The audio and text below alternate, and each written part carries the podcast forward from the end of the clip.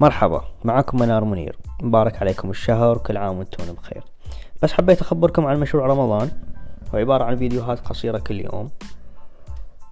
أتكلم فيها عن مواصفات الكرسي المتحرك اللي أستخدمه وليش اخترت كل ميزة.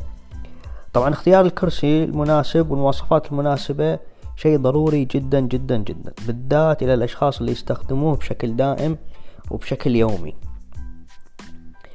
لأن اختيار لأن اختيار المواصفات الغلط راح تسبب للشخص مشاكل وآلام في الجسم وهو في غنى عنها بصراحة.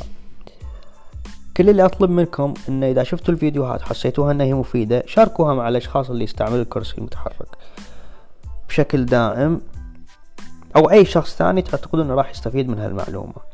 اليوم نزلت الفيديو رقم ستة.